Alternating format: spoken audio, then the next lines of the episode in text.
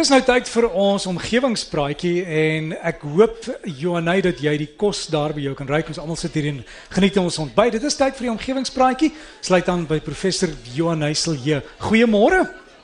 Goeiemôre Derek, môre al die omgewingsvriende. Dit klink te lekker daar Derek. O, dit is heerlik. Jy moet jy moet die geure ruik wat hier uit die kombuis uitkom. Dit is vol kleur, hoor. Nee, dit klink vir my goed Derek. Uh, ja, Derek, so vanoggend um, praat ons bietjie oor kweekhuisgasse en ons kweekhuis, ag ons koolstofvoetspoor. En dit is nou iets waaroor ek al 'n geruime tyd wou gesels. Ehm um, sedert ek 'n e-pos ontvang het van Ernst Bronke waarin hy vir my baie insiggewende inligting gedeel het oor die Global Atmosphere Watch program of in kort praat hulle sommer van die GOAL program wat deur die wêreldmeteorologiese organisasie gekoördineer word en waarin Suid-Afrika ook deelneem en wat dan nou deur ons Suid-Afrikaanse weerdiens bestuur word. Nou die doel van hierdie GOAL program is om kweekhuisgasse en ander relevante omgewingsgasse op 'n langtermynbasis te meet. Derek nou, soos jy weet, kweekhuisgasse lê sentraal tot die hele klimaatsverandering debat. Want dit is die gasse wat die aarde soos 'n kombers warm maak en waarom dit vir ons so belangrik is om hierdie gasse dan nou op 'n langtermynbasis te meet. So die GOAL-program gebruik dan nou data van 31 GOAL-stasies reg oor die wêreld om betroubare inligting te voorsien oor die chemiese samestelling van ons atmosfeer en te kyk hoe dit oor die jare verander En dit help dan nou wetenskaplikes om ook die mense invloed op die atmosfeer te ondersoek en te verstaan.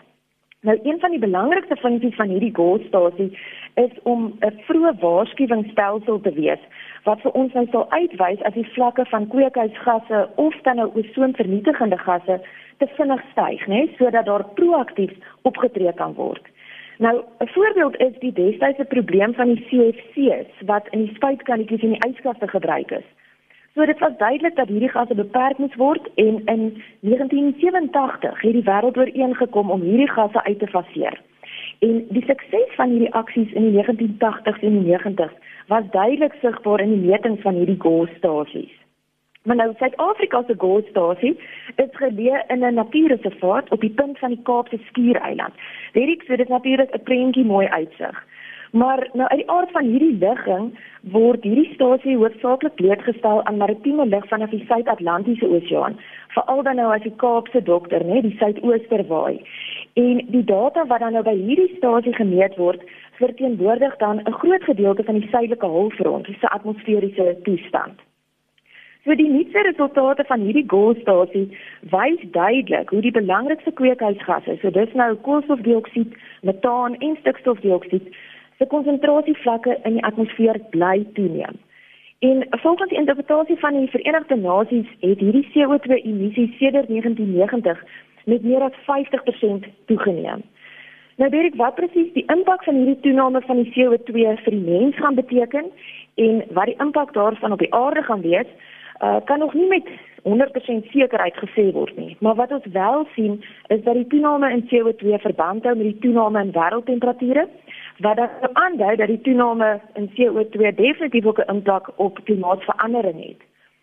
So net so 'n bietjie om terug te kom, die konsentrasievlakke van CO2-emissies word gemeet in dele per miljoen.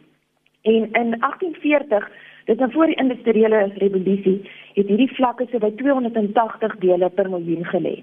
Nou tans lê hierdie vlakke by 410 dele per miljoen. Um, nou my kollega wat spesialiseer in atmosferiese navorsing, Dr. Rolof Burger, sê dat hierdie tandse vlak is ver bo die veilige vlak van 350 dele per miljoen. Wat volgens die wetenskaplikes die vlak is waarteen die globale temperatuur sal stabiliseer en die mensdom dus beskerm sal wees teen hierdie gevaarlike temperatuurverhogings.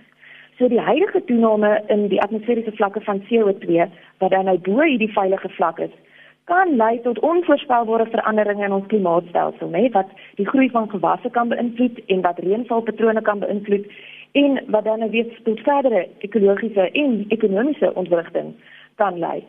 So dit is eintlik dit nogal skrikwekkend as mens sien wat die voorspellings is wat kan gebeur en dit is juis waarom hierdie goalstasie so belangrik is en waarom CO2 so noukeurig gemonitor word om ons nou al te waarsku oor wat aan die gebeur is en owerhede maar sowel as die publiek bewus te maak dat dit tyd is om ernstig oor hierdie kwessies te besin en die impak daarvan en daadwerklik op te tree.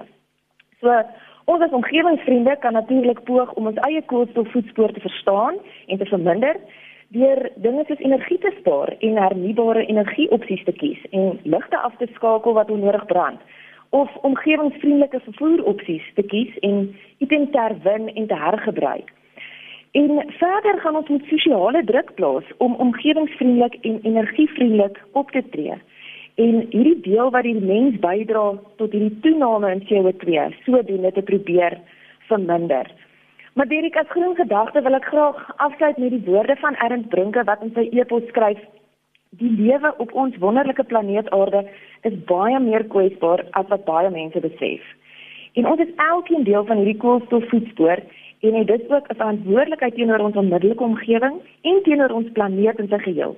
So ons moet ernstig wees oor die opdrag om goeie rentmeesters van ons wonderlike aardstelsel te wees.